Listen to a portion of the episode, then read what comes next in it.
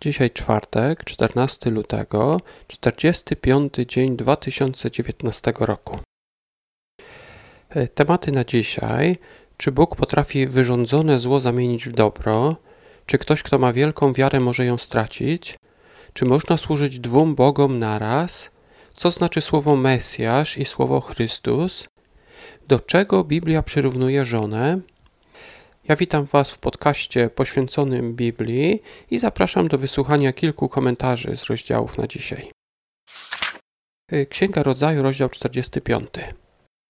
Józef wyjawia swoim braciom, kim jest i posyła po swojego ojca. Myślę, że chyba każdy z Was zastanawiał się kiedyś, przynajmniej raz, nad takim pytaniem: dlaczego Bóg dopuszcza cierpienia?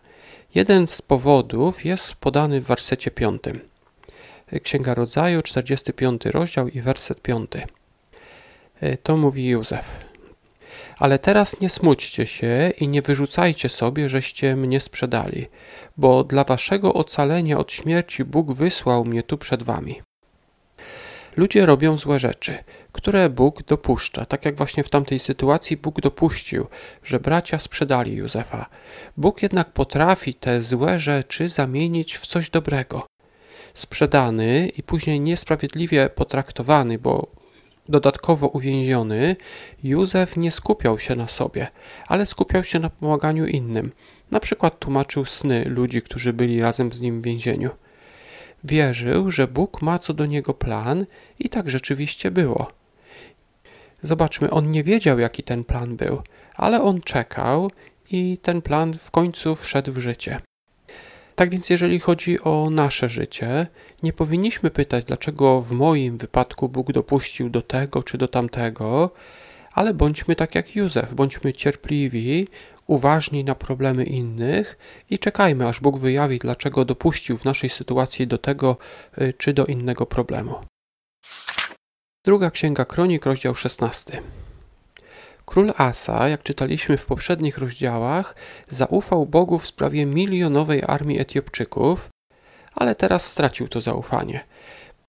W tym rozdziale 16 czytaliśmy, jak zapłacił złotem ze świątyni królowi syryjskiemu Ben-Hadadowi, aby uratował go od izraelskiego króla Baszy.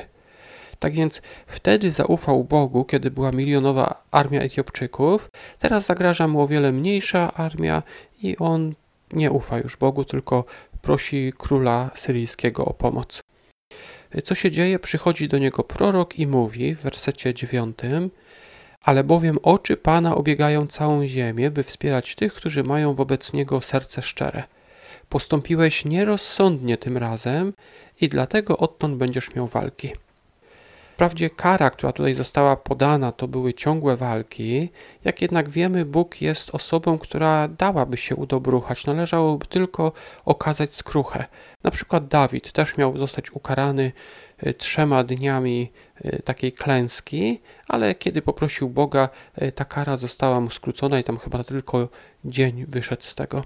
Tak więc gdyby Asa okazał skruchę, to prawdopodobnie ta kara zostałaby skrócona, albo może nawet nigdy by do niej nie doszło.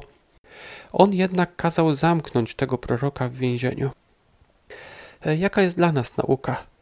Jeżeli nawet w jakimś momencie w naszym życiu okazaliśmy ogromną wiarę, ogromne zaufanie do Boga, nie powinniśmy czuć się zbyt pewni.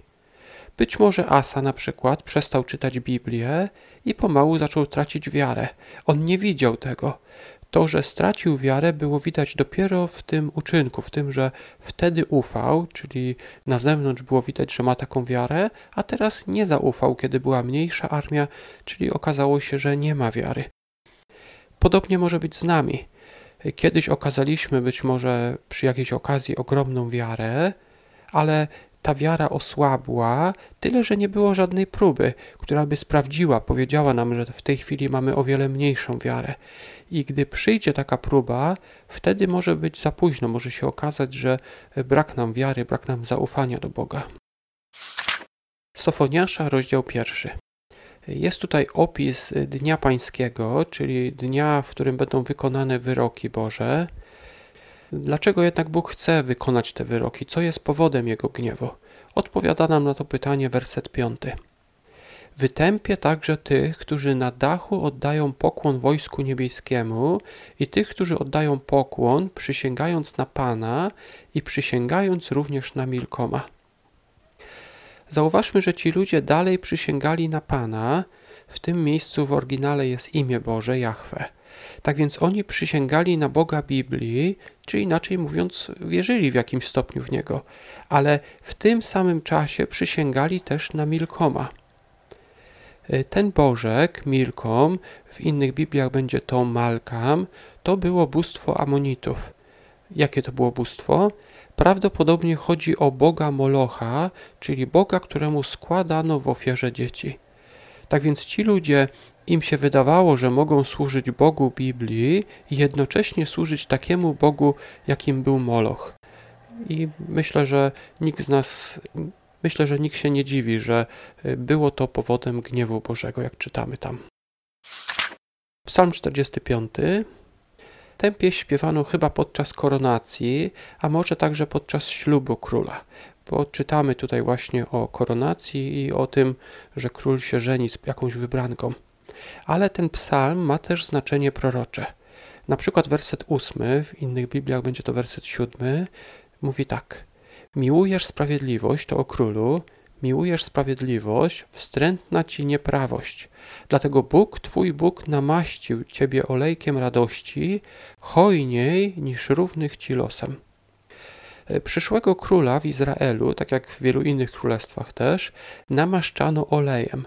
Stawał się on w ten sposób pomazańcem, e, bo był pomazany olejem. E, ktoś pomazany olejem to jest właśnie pomazaniec. Ale czy wiecie, jak słowo pomazaniec brzmi w języku hebrajskim i w języku greckim? Pomazaniec po hebrajsku to Mesjasz, a po grecku to Chrystus. Dlatego właśnie myślę, że ten werset oraz chyba cały psalm odnosi się do Jezusa Chrystusa. Końcówka tego wersetu mówi: Bóg namaścił cię olejkiem hojniej lub bardziej niż innych. Królowie, bo Jezus był z linii królów izraelskich, byli namaszczeni, ale Jezus został namaszczony hojniej od nich. Księga Przysłów, 5 rozdział, wersety od 15 do 17. Y, od wersetu 15 mamy taki bardzo poetycki opis miłości fizycznej pomiędzy mężem i żoną. Y, ten fragment zachęca do tego właśnie, żeby mąż był wierny swojej żonie. Księga Przysłów 5:15 mówi tak: Pij wodę z własnej cysterny, tę, która płynie z twej studni. Tą własną cysterną i studnią jest właśnie własna żona dla męża. Dlaczego tak myślę?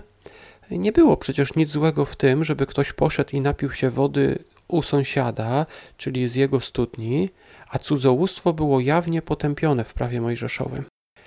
Poza tym te poetyckie słowa y, są może tutaj mało zrozumiane, ale jutro przeczytamy wersety, które już dokładniej wskazują na to, że mowa tutaj jest o żonie. Ale to jutro będzie. Co szczególnie warto zapamiętać z dzisiejszych rozdziałów? Myślę, że chyba postawę Józefa, który nie rozczulał się nad sobą, chociaż był w okropnej sytuacji i mógł wciąż pytać Boga, dlaczego pozwoliłeś, że zostałem sprzedany, dlaczego pozwoliłeś, że trafiłem do więzienia niesprawiedliwie oskarżony i tak dalej. On jednak nie rozczulał się nad sobą, ale cały czas myślę, że szukał swojej roli w Bożym planie. Bóg miał co do niego plan i Józef po prostu musiał cierpliwie czekać, kiedy ten plan zostanie wprowadzony w życie. Ja dziękuję Wam za wysłuchanie. Zapraszam do kolejnego odcinka jutro. Do usłyszenia.